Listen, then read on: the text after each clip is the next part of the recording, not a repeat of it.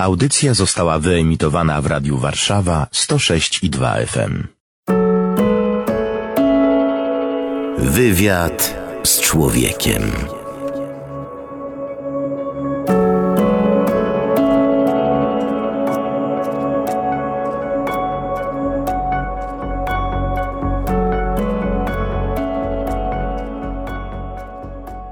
Paweł Kęska, witam Państwa ciepło i serdecznie w audycji Wywiad z Człowiekiem.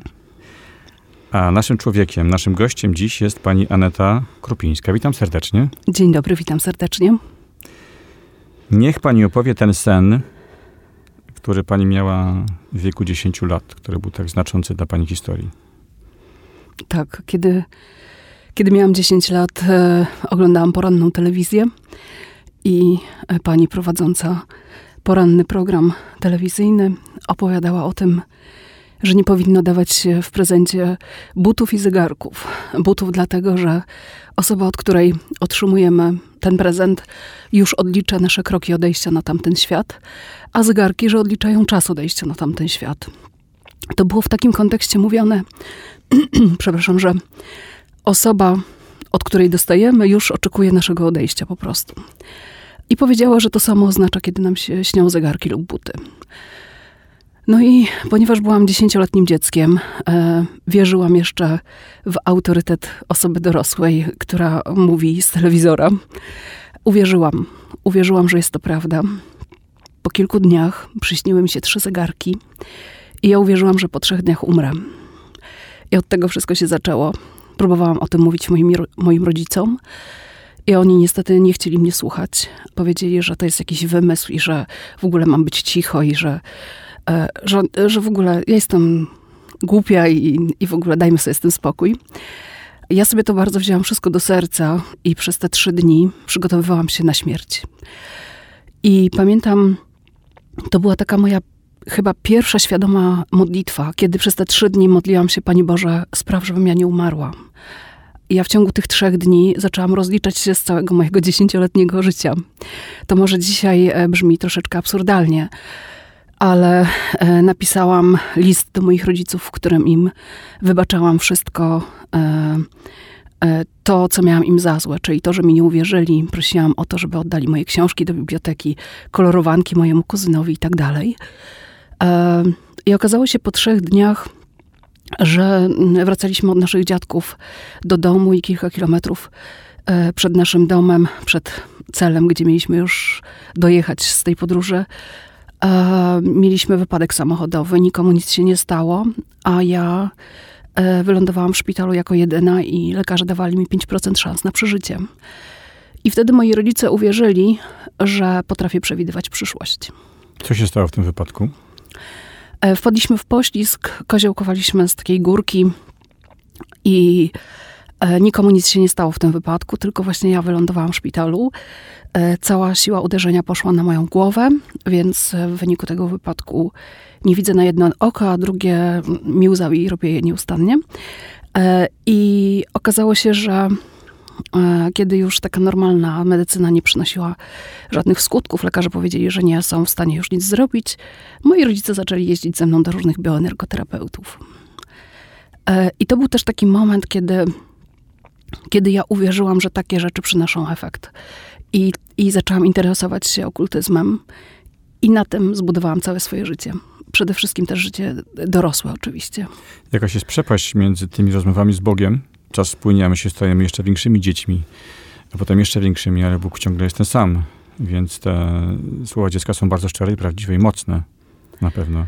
Coś się stało między tymi słowami, a tym, kiedy pani weszła w tą, w tą praktykę okultystyczną. Kiedy y, ja się tak modliłam, to ja sobie nawet nie uświadamiałam, że to była moja modlitwa. Uświadomiłam sobie to dopiero kilka lat temu, kiedy, kiedy rzuciłam wszystko i poszłam w stronę Boga. Wcześniej e, moja rodzina nie była bardzo wierzącą rodziną, a kiedy zaczęliśmy jeździć do różnych bioenergoterapeutów, to w nasze życie rodzinne bardzo dużo zła weszło. I Kościół stał się czymś bardzo niedobrym. Bardzo dużo złych rzeczy mówiło się na Kościół, na księży i ja w tym wzrastałam. A co z tym przewidywaniem przyszłości? Rodzice w pewnym momencie uwierzyli? że to jest prawda? Od razu po wypadku uwierzyli. Bardzo często przewidywałam przyszłość, bardzo często przewidywałam śmierci w naszej rodzinie. Śniły mi się różne rzeczy, albo przewracały się różne rzeczy, albo miałam w sobie taką energię, gdzie jak byłam w szkole na informatyce i czegoś nie potrafiłam zrobić, to potrafiłam wyłączyć siłą woli wszystkie komputery. Albo swój, kiedy to dotyczyło tylko mnie, albo wszystkie komputery, jeżeli widziałam, że moi koledzy też sobie nie radzą z czymś. To jest taka opowieść, można nią wierzyć albo nie. Ja takie historie to znam z Harry'ego Pottera i z filmów i z książek nieczęsto spotykanych, ale pani mówi, że to się działo. Tak. Pani jest pierwszą osobą, która mi to mówi wprost. Była taka siła, która potrafiła wyłączyć komputer albo przewidzieć Tak. przyszłość? potrafiłam popsuć wszystkie elektroniczne rzeczy przy mnie. I to było takie naturalne w naszym domu. Siedziałam na przykład sobie w kuchni, rozmawiałam z moją mamą i nagle się okazywało, że wszystkie zegarki, w które mieliśmy tam kilka zegarków stojących w kuchni i się okazywało, że wszystkie w jednym momencie przestały działać. I to było takie naturalne. A, znowu tutaj usiadłaś. Co z tą przyszłością? Przewidywanie śmierci. Ja sobie zdaję sprawę, jest większa rodzina, jest jakiś członek rodziny i, i dziewczynka mówi, co? Mówi, że, że ktoś umrze? Tak. Na przykład przed którymiś świętami Bożego Narodzenia mówię do moich rodziców, żebyśmy pojechali na wieś do moich dziadków, bo to są ostatnie święta naszego dziadka. A moi rodzice stwierdzili, że tym razem im nie pasuje, że pewnie mi się wydaje. I okazało się, że 14 stycznia mój dziadek już nie żył. Albo innym razem kładłam się spać, były zamknięte wszystkie okna, drzwi, nie było żadnego przeciągu i nagle obok mojej głowy spada kwiat. Ja taka wystraszona wstaję, idę do mojej mamy i mówię, mamo, kwiat mi się przewrócił. Nie było żadnej opcji, żeby on się przewrócił. I moja mama z takim spokojnym głosem mówi, a, ktoś umrze pewnie. Przyszedł się z tobą pożegnać. I ja nagle mam taką myśl, że u siostry mojego taty w domu coś się złego stanie. No i okazało się, że dwa czy trzy dni później moi rodzice pojechali do siostry mojego taty i na oczach e, moich rodziców e, zmarł mój wujek. Takich sytuacji było mnóstwo. Co czuje dziecko, które widzi, bo to jeszcze przecież dziecko, prawda? 10, 11, 12, 13, ten czas pewnie leci, Tak. które widzi, że różni się od całego świata, że koleżanki w szkole nie mają tak. przed koleżankami w szkole ukrywałam to, ten mój dar, w cudzysłowie. Nikt w szkole nie wiedział o tym, że ja mam taki dar i że robię takie rzeczy. Wiedziała tylko moja, moja rodzina i dla nich to było normalne, naturalne. Ale kiedy udawało mi się przewidzieć różne rzeczy, a przewidywałam je bardzo często, czułam się wtedy zauważona w domu też. Ja byłam takim dzieckiem, które było trochę niewidoczne wcześniej w domu. I to był mój sposób też na to, żeby moi rodzice mnie zauważyli. A rozumiała pani, miała pani jakąś koncepcję na to, skąd to się bierze? Dlaczego ja? Ja uważałam, że to jest dar od Boga, że to jest coś dobrego, że przecież jestem taka wyjątkowa. Kiedy już zbudowałam jakby własne dorosłe życie, to w którymś momencie otworzyłam gabinet na masaży i zajmowałam się masażami na meridianach, czyli masażami związanymi z energią. I wydawało mi się, że ja pomagam tym ludziom, że ja ich leczę, że uzdrawiam. Pracowałam z energiami, które po prostu widziałam i które poruszałam w organizmach ludzi. Czyli to była twarz Boga. Mi się wydawało, że to był Pan Bóg. Ale jednocześnie w którymś momencie zauważyłam, że e, zaczynam mieć duże stany depresyjne, że zaczynam widzieć pod sufitem czarne plamy, że obok mnie czuję, że ktoś stoi, że w drugim pokoju ktoś chodzi, że czuję, jak coś mnie ciągnie w dół i nie potrafię się temu przeciwstawić. To było coś bardzo niedobrego i ja nie potrafiłam tego jakoś nazwać i zinterpretować. Czyli taka samotność w tym wszystkim. Ja w, chyba nie nazwałabym tego samotności, bo faktem jest, że ja już w pewnym momencie czegoś szukałam i byłam podatna na, na też różne religie, ale nie wiedziałam, czego szukam tak naprawdę. Dopiero dzisiaj wiem, że szukałam Boga, prawdziwego Boga. Różne są drogi do Niego. To prawda. Ale jeszcze o tej drodze powiedzmy, dlatego że jest pani jeszcze tą dziewczynką już rosnącą, prawda, Tak. dojrzewającą i ma pani te niezwykłe talenty. A nie było tak, że pani myślała sobie, kurczę, coś sobie załatwię. Albo, że dla siebie to wykorzystam. Czy to była taka myśl, że mam, więc pomagam? To była taka myśl, że mam i pomagam. Mhm. Nigdy nie myślałam o tym, że mogę sobie coś załatwić dzięki temu. Faktem jest, że kiedy miałam 16 lat, przewidziałam wypadek mojej siostry. To był bardzo trudny czas dla nas. I wtedy pamiętam, to było dla mnie tak traumatyczne przeżycie, bo moja siostra pół roku leżała w szpitalu wtedy. Nie było wiadomo, w jakim stanie wyjdzie w ogóle i czy w ogóle wyjdzie z tego szpitala. I wtedy pamiętam moją drugą modlitwę. Zabierz to ode mnie, bo ja już nie daję rady. I to gdzieś tam się wyciszyło troszeczkę, ale i tak interesowałam się, nie wiem, chiromancją, numerologią, horoskopy na porządku dziennym, tak? Jakieś działanie na podświadomość i tak dalej.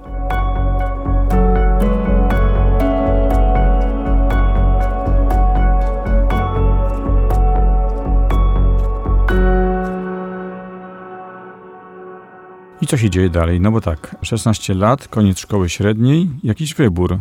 Te możliwości, zdolności wskazują jakąś drogę? Póki co nie, ale e, moja koleżanka zaprowadziła mnie do wróżki, która opowiadała różne rzeczy, które mi się przytrafią w życiu według niej. I ja pamiętam, dzisiaj to widzę z perspektywy czasu, że zaczęłam iść drogą, którą mi wróżka powiedziała, żeby, ale nie dlatego, że chciałam, tylko dlatego, żeby się dostosować do tego, co ona mi powiedziała. Dzisiaj to widzę bardzo dobrze. Wtedy wydawało mi się, że to jest mój wybór. Wyprowadziłam się z domu, kiedy miałam 20-21 lat. Przeprowadziłam się tutaj do Warszawy i poszłam na studia, które, o których mi wróżka powiedziała, że będę tak studiowała. I tutaj bardzo mocno zaczęłam wchodzić w różne okultystyczne rzeczy. Mnóstwo bożków, różnych symboli w domu miałam. Po co, po co się takie rzeczy pozyskuje? Do czego one są potrzebne? Wydaje mi się, że wszyscy pragniemy tego samego. Miłości, szczęścia, pieniędzy, Spokoju, spokoju wolności, też. Pamiętam kiedyś... E, bezpieczeństwa jeszcze. Bezpieczeństwa również, tak. To było złudzenie tylko. Ja tego nie widziałam, ale to mi nie przynosiło ani szczęścia, no może trochę pieniędzy. Ale mm, to było jedno wielkie złudzenie, którym później płaciłam tak naprawdę swoim samopoczuciem, zdrowiem psychicznym, można powiedzieć, tak? Bo pojawiły się stany depresyjne. W którymś momencie trzeba było zapłacić za te wszystkie dobra, które się otrzymało. W cudzysłowie oczywiście, tak? O tym jeszcze powiemy, to jeszcze powiedzmy o tym więcej. Na przykład o tych, jak to mówimy, zabobonach. To są puste słowa, czy to ma jakieś znaczenie? Czy to jest stan umysłu, czy to jest kontakt z innym światem duchowym? My wierząc w zabobony z- próbujemy zaklinać otaczający nas, nasz świat, Ale- nas świat. Ale czy rzeczywistość zakina nas w ten sposób? Czy po drugiej stronie jest ktoś i czy ten ktoś przez te drobne rzeczy nas nie próbuje podporządkować sobie? Tak. Dla przykładu mogę powiedzieć, że kiedyś zamówiłam sobie amulet z takimi symbolami, które się nazywają runy. One miały być e, wyryte na kamieniu, m, oprawione w takie srebro. I to był amulet, który był robiony na podstawie mojej daty urodzenia, mojego zdjęcia, imienia, nazwiska i tak dalej. I to był amulet, który miał mi przynieść e, szczęście, pieniądze, wszystko to, czego ludzie pożądają na świecie. I pamiętam, kiedy przyszedł ten amulet, założyłam go, poczułam w jednej chwili dwie rzeczy. To, że dostałam taką ogromną siłę po prostu. To, ja byłam takim po prostu siłaczem, którego nikt nie mógł złamać. Taką nadprzyrodzoną siłę wręcz poczułam. Ale dopiero po pewnym czasie zorientowałam się, że poczułam jeszcze jedną rzecz. Poczułam się tak, jakbym siedziała po pachy w takiej rzece brodzącej, z wirami, ale te wiry to nie były wiry rzeki, tylko wiry takich czarnych macek, które mnie zaczęły oplatać. I to było bardzo realistyczne i bardzo, bardzo mocno to odczułam. Tylko wtedy jeszcze nie wiedziałam, o co w tym wszystkim chodzi i jakby nie byłam świadoma zagrożenia duchowego. Każda najmniejsza rzecz, którą, w którą wkładamy takie myśli, że to mi przyniesie szczęście, jest tak naprawdę rozmową ze złym duchem. Ja kiedyś nosiłam nitkę kabały. Czerwoną nitkę czasami widzimy na, e, na przegubie ręki, jak e, różne osoby noszą. Ktoś mi ją e, zawiązał przeciwko złemu oku i zawiści, żeby mnie chroniła. I okazało się, że na rekolekcjach, na których się nawróciłam, Pan Bóg pokazał mi, w którym momencie mam ją zdjąć. I kiedy w końcu mi się udało ją zdjąć, okazało się, że znowu w cudzysłowie, tak zwana zwykła czerwona nitka po prostu oparzyła moją rękę. I miałam po prostu czerwoną szramę na ręce. I zrozumiałam, że to nie są żarty. Że wszystkie tego typu rzeczy są bardzo dużą furtką do tego, żeby zły duch wszedł w nasze życie. Czerwona nitka, były te posążki, o czym pani wcześniej mówiła, były amulet. Co jeszcze? W moim życiu wierzyłam, że na przykład łuski skarpia e, wigilijnego przyniosą mi pieniądze. Mhm. Nosiłam chińskie monety w portfelu, jakieś żabki. Chińskie monety wisiały u mnie na ścianie. Amulety, które, jakieś kamienie, które miały dobrą energię przyciągnąć. I teraz uwaga, oczyszczałam swoje mieszkanie tak zwaną białą szałwią, żeby wykurzyć wszystkie złe duchy z mojego mieszkania. I wierzyłam, że to jest prawda. Dzisiaj wiem, że to jest bzdura po prostu. Jak to przeszło, w, e, mówi pani, w zawód? Bo te meridiany to jest jakaś konkretna technika związana też z jakąś pastorą, e, chińską kulturą. Skądś tam wyrasta, prawda? Ma jakieś swoją genezę, znaczenie, praktyki. Tak. E, Pan Bóg dał mi tę łaskę, że ja większość z tego, co wtedy robiłam, już zapomniałam. Ale był taki moment, kiedy spotkałam znajomą, która się zajmowała właśnie masażami na meridianach. I ona mnie zaczęła uczyć, jak poprzez kanały energetyczne w, w naszym organizmie można poruszać odpowiednio tę energię i leczyć ludzi.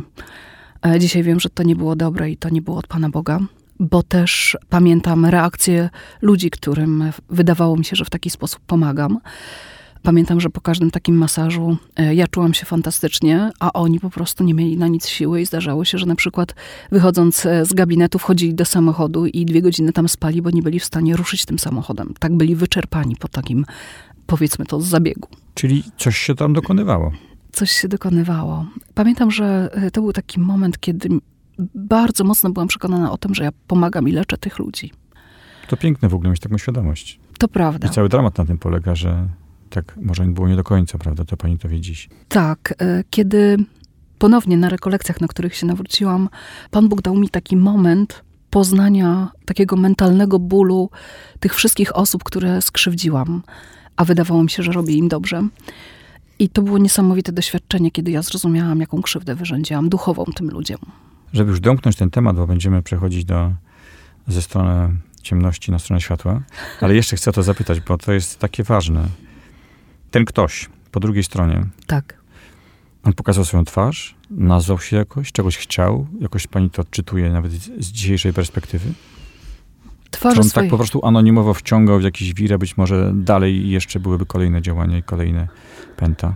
Twarzy nie pokazał, ale któregoś razu e, miałam takie doświadczenie, że czułam, że stoi obok mnie. Mhm. Dużo złych rzeczy, myślę, sugerował też ale nie powiedział swojego imienia, nie powiedział, e, nie pokazał swojej twarzy. Wciągał tylko coraz bardziej w tę taką czarną otchłań, można powiedzieć. I to było takie doświadczenie, kiedy ja wiedziałam, że jestem wciągana. Ja w którymś momencie to poczułam nawet, fizycznie poczułam. Czułam, że, że jestem wciągana w tą czarną otchłań, ale nie potrafiłam nic z tym zrobić. Ja nie widziałam wyjścia w ogóle z tej sytuacji. I do głowy mi nie przyszło, że mogłabym poprosić o pomoc Pana Jezusa na przykład, tak? To był czas, kiedy ja w ogóle podważałam istnienie Pana Boga. Już. Tak, ja wtedy... Bo wcześniej on był. Jako dziecko był, tak. Ale jako osoba dorosła miałam takie zdanie, które bardzo często powtarzałam, że najgorszą rzeczą, która może się człowiekowi przydarzyć, to pójść do kościoła. Czemu? Wydawało mi się, że tam jest samo zło, że księża to są tacy i owacy, tam tylko chodzi o pieniądze, że przecież Boga nie ma, po co nam ten Bóg? Przecież on i tak, jak go o coś prosimy, to nie spełnia naszych próśb.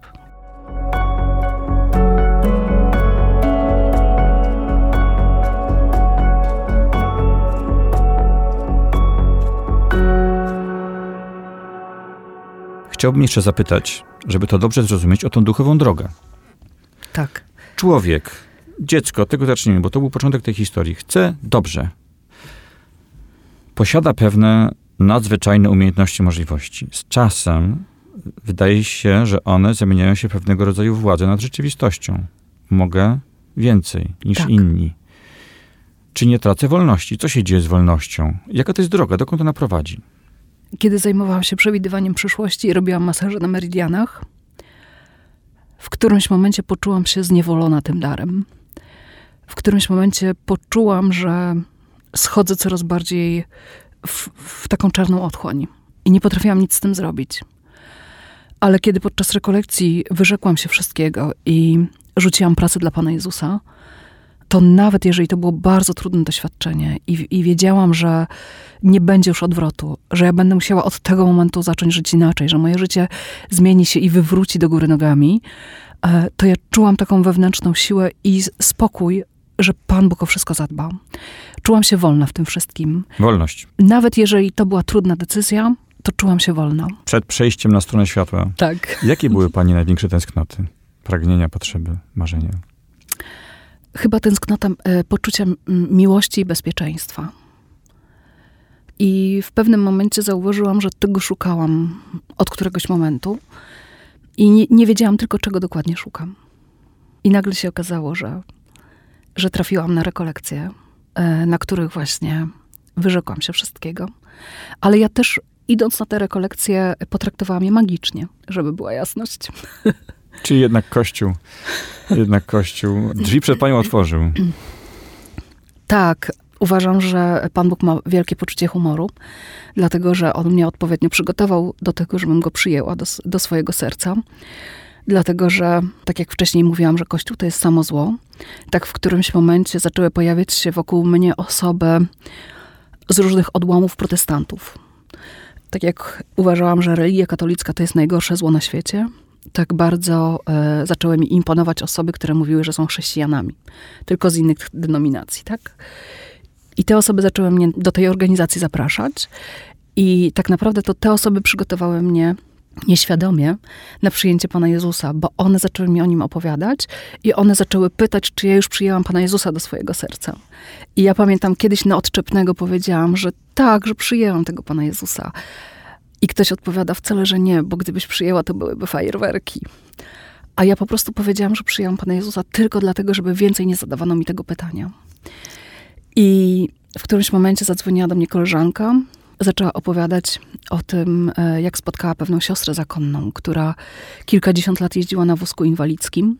I siostra zaczęła opowiadać, że była na rekolekcjach, na których kapłan, który je prowadził, e, powiedział e, takie słowa: Jest tutaj siostra zakonna na wózku inwalidzkim, siostro wstań. I siostra do dzisiaj chodzi. I kiedy usłyszałam to świadectwo, to tak sobie pomyślałam, że wow, ja też bym tak chciała, może by mi oczy uzdrowił. E, no i moja koleżanka mówi, słuchaj, ale ten ksiądz będzie tutaj za kilka tygodni, może byś poszła. I ja miałam taką myśl, wow, pójdę i uzdrowi mi oczy. Po prostu będzie taki pstryk, tak? I po prostu wszystko się zmieni. I poszłam na te rekolekcje i Pan Bóg uzdrowił mi oczy, ale te duchowe, a nie fizyczne, tak. Jak to się stało? Bo takie wydarzenia pewnie bardzo zapadają w pamięć, krok po kroku. No co, wchodzimy do tego kościoła, mnóstwo ludzi, coś zagraża, coś przyciąga. Jak to było? To były w ogóle moje pierwsze rekolekcje w życiu. Ja nawet nie wiedziałam, że jest coś takiego jak rekolekcje. W pewnym momencie w ogóle sobie uświadomiłam, że wcześniej to bym się wstydziła tego, że idę na rekolekcje i ukrywała to przed wszystkimi. A wtedy wszystkim moim znajomym mówiłam o tych rekolekcjach i chciałam, żeby wszyscy poszli ze mną. Nie wiedziałam dlaczego i nie wiedziałam po co. I ostatecznie poszedł ze mną jeden kolega, który miał problem z homoseksualizmem. Rekolekcje odbywały się na, w hali targowej na Marsa, tutaj w Warszawie. Tylko zapytam jeszcze jedną rzecz. Ile pani wtedy miała lat? 33. Własna praktyka? Tak. Tego masażu? Ile czasu już to się budowała ta e, firma, czy ta działalność? Gabinet prowadziłam przez dwa lata. Dwa lata. No, mhm. czyli już byli stali klienci. Wszystko działało. Tak. I to było jedyne źródło utrzymania. Tak. Pytam o to dlatego, że to są decyzje kluczowe w życiu. Bardzo. To był 2014 rok, między 8 a 11 listopada. E, miałam 33 lata właśnie. Kiedyś ktoś mi powiedział, o 33 lata, jak się ma 33 lata, to się życie odwraca do góry nogami. Ja tak popukałam się w głowie i mówię, no nienormalne, nie? No i okazało się, że na tych rekolekcjach było 7,5 tysiąca osób. I e, ja nie wiedziałam, po co ja tam idę. I nie wiedziałam, jakie treści będą przekazywane. I nagle się okazało, że to były rekolekcje, na których ojciec, który prowadził je, opowiadał o zagrożeniach duchowych związanych właśnie z okultyzmem i o homoseksualizmie. Więc dla mnie, dla tego mojego kolegi, to był po prostu strzał w dziesiątkę. Tak naprawdę przyjmowałam te treści, ale w którymś momencie w ogóle miałam takie wrażenie, że że coś jest nie tak, że ja po prostu już nie jestem w stanie tego słuchać. No to podważało pani tożsamość przecież. No właśnie. I to było dla mnie trudne. I pamiętam, wyszłam gdzieś tam na kawę na chwilę, żeby w ogóle odsapnąć. I nagle jest przerwa. I mój kolega mówi do mnie, przygląda ci się jakaś kobieta. Ja tak patrzę, a tam taka moja dalsza znajoma, z którą byłam chwilę wcześniej na spotkaniu i opowiadałam jej, że jadę do Gdańska modlić się e, do Matki Ziemi, robić do niej rytuały w ogóle, tak? I tego typu rzeczy. I okazało się, że on, ta moja znajoma była tak przerażona tym, co ja jej mówię, że poszła do domu i zaczęła różaniec za mnie od, odmawiać. I ja wtedy, kiedy się spotkałyśmy na tych rekolekcjach, ona mówi, Anetka, ja się tak modliłam, żebyś ty tutaj była. Ja poczułam, że ona mnie tym różańcem uratowała. I nagle e, ta moja koleżanka sobie gdzieś poszła, mój kolega też sobie gdzieś poszedł. Ja zostałam sama i nogi tak jakby mnie same zaprowadziły do sektora, w którym odbywała się spowiedź. Później już po e, tych rekolekcjach e, liczyłam, ile wcześniej lat nie byłam u spowiedzi i doliczyłam się, że nie byłam 8 lat, z jednym wyjątkiem, kiedy moja siostra brała ślub kościelny i poszłam do spowiedzi, gdzie tak naprawdę świętokradcza spowiedź była, świętokradcza komunia święta i tak dalej. Więc nie liczę tego jako, jako spowiedź dzisiaj, bo to nie było szczere wyznanie e, grzechów. W każdym razie miałam taką myśl wtedy, kiedy doszłam do tego sektora z tymi spowiedziami. Mówię, hm, może bym poszła do spowiedzi, ale tak patrzę w każdej kolejce po kilkadziesiąt osób. Mówię, o nie, nie będę tyle czekać. I odwracam się, żeby już stamtąd sobie pójść i nagle patrzę, przede mną siada kapłan. Zaczęłam się zastanawiać, iść, nie iść, iść, nie iść, iść, nie iść. A po co pani tam poszła do spowiedzi? Ja sama nie wiem, po co ja tam poszłam. Naprawdę sama nie wiem. Po prostu jakaś siła mnie tam przyciągnęła. Czuję po prostu taki wielki gól w gardle. Płakać mi się chce. W ogóle wiedziałam, gdzieś przez podskórnie czułam, że to zmieni moje życie. I miałam, i poczułam, i miałam, i usłyszałam takie słowa w głowie, stój jak stoisz doczekałam się do tej spowiedzi. I kiedy ksiądz, pamiętam na samym końcu, bo oczywiście wszystkich tych moich okultystycznych rzeczy się wyrzekałam tam, wyspowiadałam się z tego i na samym końcu ksiądz mnie pyta, czy wierzysz, że Pan Jezus może ci wybaczyć? A ja mam taką myśl w głowie, skąd mam wiedzieć? I mówię, u protestantów mówili, że, że może. I mówię temu księdzu, że może, ale nie byłam o tym przekonana w ogóle. I ksiądz z taką siłą powiedział, i bardzo dobrze, Jezus ci wybacza. I ja w ogóle poczułam się, jakbym skrzydeł dostała. I wtedy wiedziałam, że ja muszę zmienić swoje życie. I wróciłam na moje miejsce, klęknęłam, zaczęłam odmawiać pokutę zadaną przez księdza i, i zaczęłam wyrzekać się wszystkiego okultystycznego w moim życiu. I na końcu, to była ta praca oczywiście, i ja na końcu wiedziałam, że albo wyrzeknę się również pracy i ją rzucę dla Pana Jezusa, albo nic z tego nie będzie. Ale to była tak trudna decyzja, chyba jedyna tak trudna w moim życiu.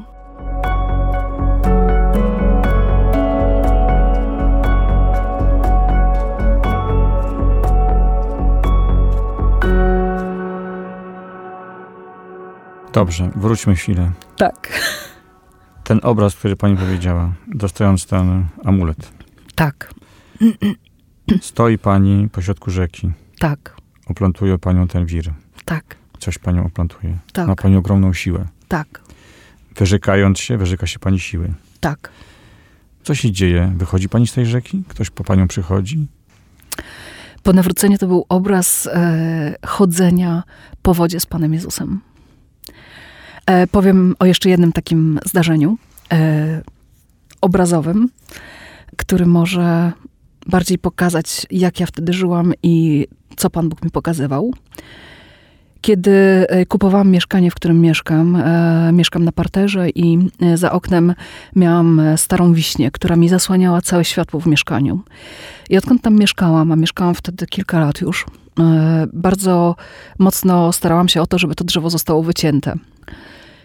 I dokładnie w niedzielę skończyły się rekolekcje, a w poniedziałek o dziewiątej rano w okna i w drzwi pukają panowie z administracji, bo oni przyszli wyciąć drzewo. I ja wtedy poczułam, że to drzewo zostało e, wycięte, ponieważ w moim domu w tym momencie zagościło światło. Wcześniej była ciemność i wcześniej tam nie było nic dobrego w tym moim domu.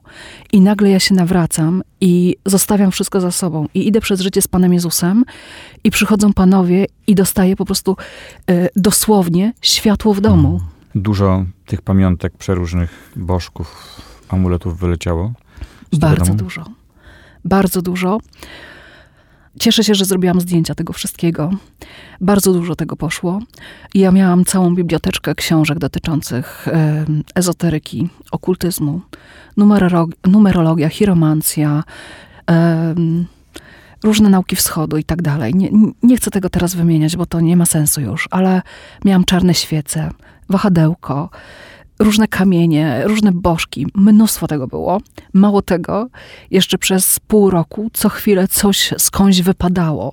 E, coś mi wpadało w ręce, co nie było dobre, tak? E, mało tego, e, jeszcze kilka lat po moim nawróceniu miałam taką szufladę, którą bardzo często otwierałam i zamykałam, bo to była taka codziennego użytku, że tak powiem, szuflada. I w którymś momencie ją otwieram i je patrzę, a w tej szufladzie jest woreczek skórzany, który dostałam od czarownicy, od mojej znajomej, która była czarownicą. I ja się przeraziłam, że przez kilka lat zły duch tak mi zasłonił oczy, że ja tego nie widziałam w ogóle. I e, oczywiście zniszczyłam wszystkie rzeczy. Jeżeli mm, mm chciałabym zaznaczyć, że jeżeli mamy jakieś okultystyczne rzeczy, symbole w domu, przed wyrzuceniem e, zniszczmy je. Ja na początku tego nie wiedziałam i dużo rzeczy wyrzuciłam bez, bez zniszczenia, ale, y, ale dzisiaj już jeżeli coś mi wpada w ręce, to od razu niszczę, żeby nie mogło pójść e, do nikogo innego po prostu. Ja wewnętrznie czułam, e, że jeżeli nie zrezygnuję z dotychczasowego życia, e, to trafię, to trafię do piekła po prostu. Podczas tych rekolekcji, już później, po tym jak wyrzekłam się wszystkiego i jak rzuciłam też pracę dla Pana Jezusa, to Pan Bóg dał mi taki obraz czarnej otchłani, do której bym trafiła, gdybym nie zawróciła z tej drogi. Mhm. Otchłań była przerażająca w tym momencie, kiedy pokazał mi tę czarną otchłań, e, dał mi też poczuć taki mentalny ból, ból serca, tych, tych, tej krzywdy wszystkich osób, których, które skrzywdziłam. Ból był tak przerażający, że ja wiedziałam, że ja nieważne, co się będzie działo w moim życiu, ja już nie mogę być daleko od Pana Boga. Ja muszę iść zawsze z Nim przez życie. Jezus uwolnił Panią. Tak, i to było niesamowite doświadczenie. A ja po tych rekolekcjach śmieję się, że wyszłam golutka, jak mnie Pan Bóg stworzył. Nie miałam pracy, nie miałam pieniędzy. Moi znajomi, kiedy im mówiłam, co się wydarzyło na tych rekolekcjach, zaczęli uważać mnie za wariatkę. A wszystkie znajomości tak naprawdę, poza chyba trzema osobami, zostały zakończone. Ludzie po prostu uciekli ode mnie. A jednocześnie e, Pan Jezus pokazał swoją miłość nagle się okazało, że ktoś do mnie dzwoni. Ja, ja mam w lodówce tylko światło. Nie mam z czego żyć, przecież nie mam... To dobrze zabrzmiało. Tak. Tylko światło. No światło to już jest coś. Trochę za mało, żeby przeżyć. I nagle się okazuje, że dzwoni jedna koleżanka i mówi, że e, zaraz do mnie przyjedzie, bo była na wsi i przywiozła dwie torby warzyw i owoców. Jedna jest dla mnie. Za chwilę dzwoni inna koleżanka i mówi, jesteś w domu? No jestem. Mówi, wiesz, piekłam szarlotkę, piekłam ją tak jak zawsze, a nie wiem jakim cudem wyszło mi za dużo ciasta i upiekłam dwie, jedna jest dla ciebie. Takich rzeczy doświadczałam, pomimo tego, że przez pierwsze pół roku od mojego nawrócenia nie miałam pracy i nie miałam z czego żyć, nigdy nie byłam głodna i zawsze miałam zapłacone rachunki. Pan Bóg zadbał o wszystko, po prostu. I żyłam jak na, jak na skrzydłach. Ja czułam fizycznie, że chodzę jak po wodzie. Powiedziała Pani o tej nagości, to też y, takie pytanie prowokuje człowiek bez tej siły, y, jakiejś nadnaturalnej, bez tej mocy, prawda, której nie wiem, czy pani jej już nie ma, czy pani y, jej się wyrzekła, na czym to polega, ale być może też czuję jakąś taką nagość. No, nie mam czegoś, co mnie zawsze chroniło, prawda? Mm. Tamta moc, e, jakby sprzed mojego nawrócenia, była czymś, o czym wydawało mi się, że jeżeli jej nie będę miała, to faktycznie będę naga. Ale y, Pan Jezus, którego zdobyłam i którego zaprosiłam do swojego życia podczas mojego nawrócenia, tego pierwszego, można powiedzieć, bo nawracamy się przecież każdego dnia, y, jest kimś, y, o kim wiem, że niezależnie od tego, co się będzie działo, ja naga już nigdy nie będę. Daje szaty królewskie. Daje szaty królewskie. A kim on jest? Kto to jest ten Jezus? Dla mnie jest najlepszym przyjacielem, powiernikiem, jest jedynym Panem i Zbawicielem, jest moim przewodnikiem.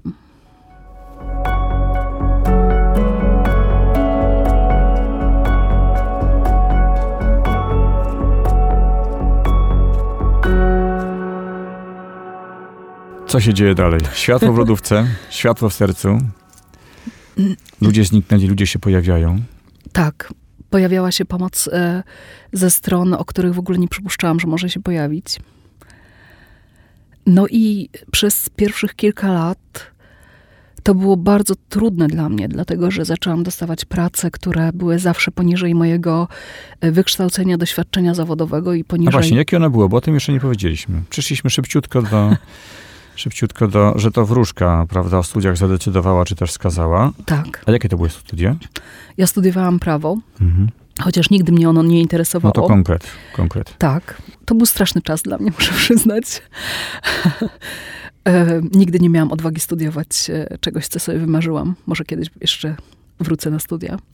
W każdym razie e, ja e, całe życie organizowałam różne targi, szkolenia, konferencje i ró- przeróżne wydarzenia. Ym, To się zaczęło, kiedy byłam przewodniczącą samorządu szkolnego w, w liceum i wtedy, e, wtedy okazało się, że to jest e, moja wielka pasja. E, I głównie właśnie e, już będąc osobą dorosłą organizowałam e, tego typu wydarzenia i, i to była moja ścieżka kariery. No i co się zmieniło? Praca poniżej y, wykształcenia. Gdzie ta Maryja się pojawia po prostu? Tak, to, to, to, to też niesamowita e, część tej historii, dlatego że e, dokładnie rok po moim nawróceniu, mm, czyli w listopadzie 2015 roku, kiedy ja mam takie problemy e, z finansami, z pracą, dzwonią do mnie zna, znajome koleżanki i mówią: Słuchaj, za dwa dni jedziemy na Jasną Górę do Częstochowy na zawierzenie niepokalanemu sercu Maryi. Może chciałabyś z nami pojechać? Mówię, no dobra, mogę pojechać. Nie wiedziałam, po co ja tam jadę i nie wiedziałam, co się tam będzie działo. E, I pojechałyśmy w pierwszą sobotę właśnie listopada 2015 roku. I pamiętam, jak na Jasnej Górze wypisywałam swój pierwszy akt zawierzenia niepokalanemu sercu Maryi. I e, pani Maria Emanuel Dziemian, która jest starszą bractwa organizującego e, te zawierzenia na Jasnej Górze, ona wtedy tłumaczyła, jak wypełnić te akty zawierzenia. I ja miałam takie myśli w głowie i w sercu, ale jak mam napisać prośbę do Maryi? Ale jak ja mam jej sformułować w ogóle? Ale to tak można? Ja, ja nie wiedziałam w ogóle, że można formułować prośby do, do Maryi, tak? Dzisiaj wiem, że są to prośby do Pana Jezusa kierowane przez ręce Maryi, tak? Ale wtedy w ogóle mi się to w głowie nie mieściło, że można o coś poprosić. Pamiętam, zaglądałam przez ramiona e, ludziom i patrzyłam, jak oni formułują swoje prośby, bo ja, dla mnie to było za dużo, zbyt dużo. Ja nie wiedziałam, w jaki sposób takie pytanie zadać. I po tym pierwszym e, zawierzeniu, A o co to była prośba? e, Bo to bardzo ważne. ja już teraz nie pamiętam, Mhm. ale na pewno o pracę, bo to, to, to na pewno było o pracę. E, jakieś inne też, nie pamiętam dzisiaj, musiałabym odszukać tego aktu. Mam go oczywiście gdzieś w domu. E, w każdym razie pamiętam, e, jak wróciłam do Warszawy z tej Częstochowy i wszystkim moim znajomym zaczęłam opowiadać, gdzie byłam i co robiłam i wszyscy byli tacy zachwyceni i mówili, że też chcieliby pojechać. I, e, I ja czułam, że ja muszę tam wrócić. Nie wiem dlaczego, znaczy wtedy jeszcze nie wiedziałam dlaczego. Czułam w sercu po prostu, że to jest moje miejsce, że ja tam pokój odnalazłam, że w ogóle z tej jasnej góry, jak ja wyszłam, to ja byłam ponownie jak uskrzydlona. Ja miałam taką radość i pokój w sercu, e, jak e, rok wcześniej podczas mojego nawracania. No i po dwóch tygodniach od powrotu do Warszawy Nagle mam taką myśl, dzisiaj wiem, że to naprawdę odwagę dał mi Duch Święty, bo pomimo tego, że ja organizowałam wydarzenia na wiele tysięcy osób i podpisywałam różne umowy i z podwykonawcami i tak dalej, to sama osobiście bałam się zrobić cokolwiek i dostałam odwagę, żeby wynająć autokar i, e, i zaprosić ludzi, żebyśmy mogli pojechać na tą Jasną Górę. Pierwszy wyjazd był od razu w grudniu 2015 roku i to był niesamowity wyjazd, bo to był taki wyjazd, gdzie byli tylko znajomi i znajomi moich znajomych.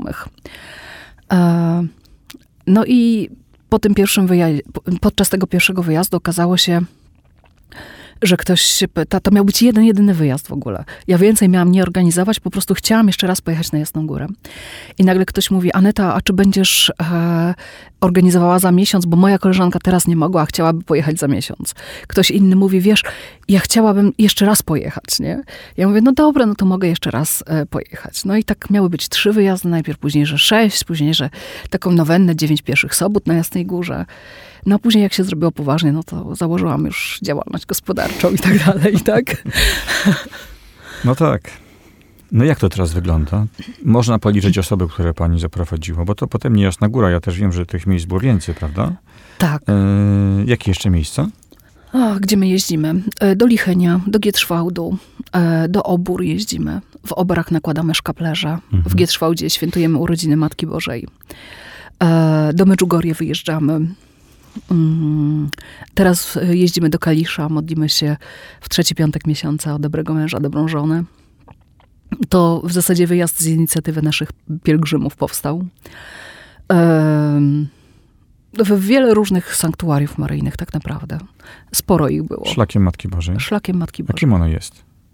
Och, to cudowna kobieta. To jest nies- niesamowite. Pamiętam jak, mm, jak e, po, podczas rekolekcji, na których właśnie się nawracałam, obiecałam mojemu koledze, e, że zacznę odmawiać za niego i za mnie nowennę pompejańską.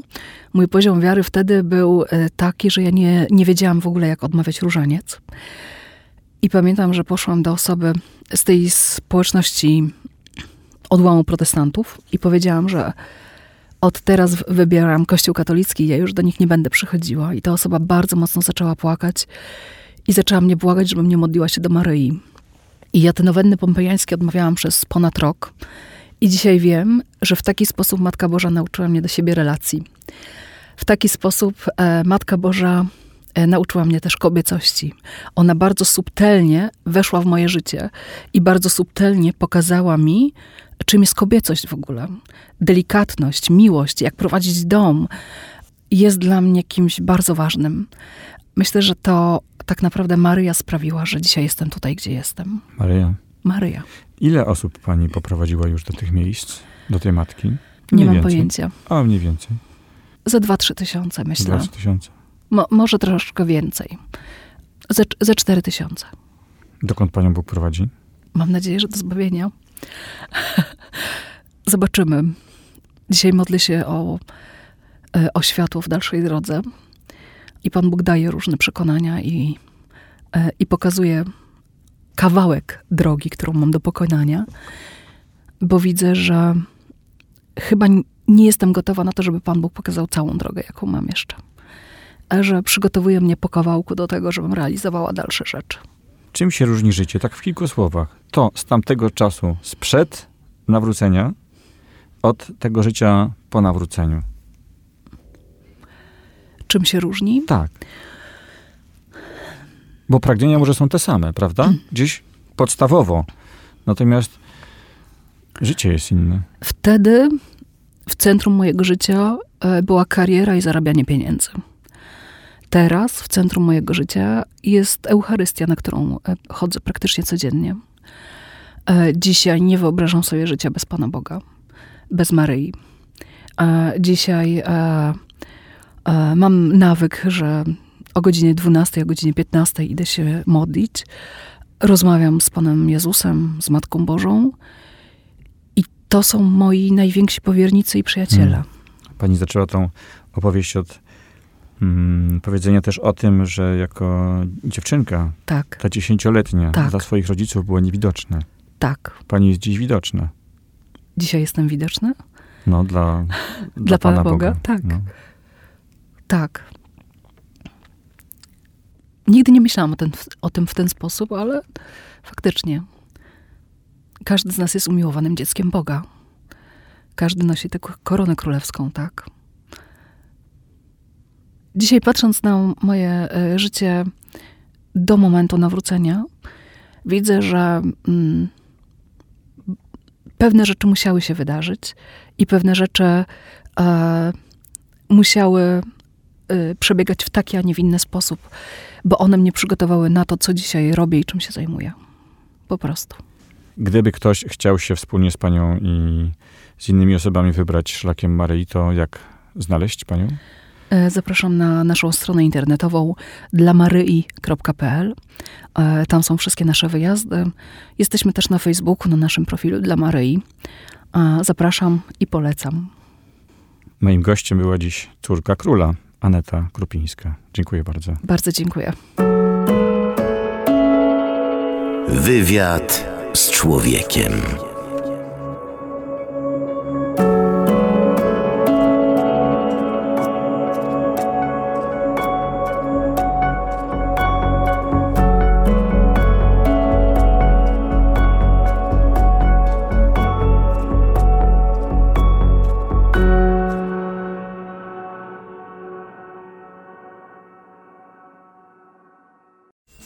Radio Warszawa nagrywa i udostępnia nieodpłatnie audycje takie jak ta. Dzięki wsparciu finansowemu słuchaczy i przyjaciół. Wejdź na www.radiowarszawa.com.pl i wpłać darowiznę. Wzmocnij nasze dobre fale. Dziękujemy. Radio Warszawa nagrywa i udostępnia nieodpłatnie audycje takie jak ta. Dzięki wsparciu finansowemu słuchaczy i przyjaciół. Wejdź na www.radiowarszawa.com.pl i wpłać darowiznę. Wzmocnij nasze dobre fale. Dziękujemy.